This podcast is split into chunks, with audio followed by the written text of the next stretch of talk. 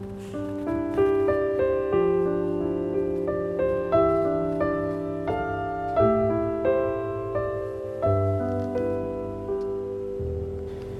the sun and to the moon. The sun shines the land and the sea, but not be seen as beautiful as the moon. That's why when the night falls, the loneliness will be felt in.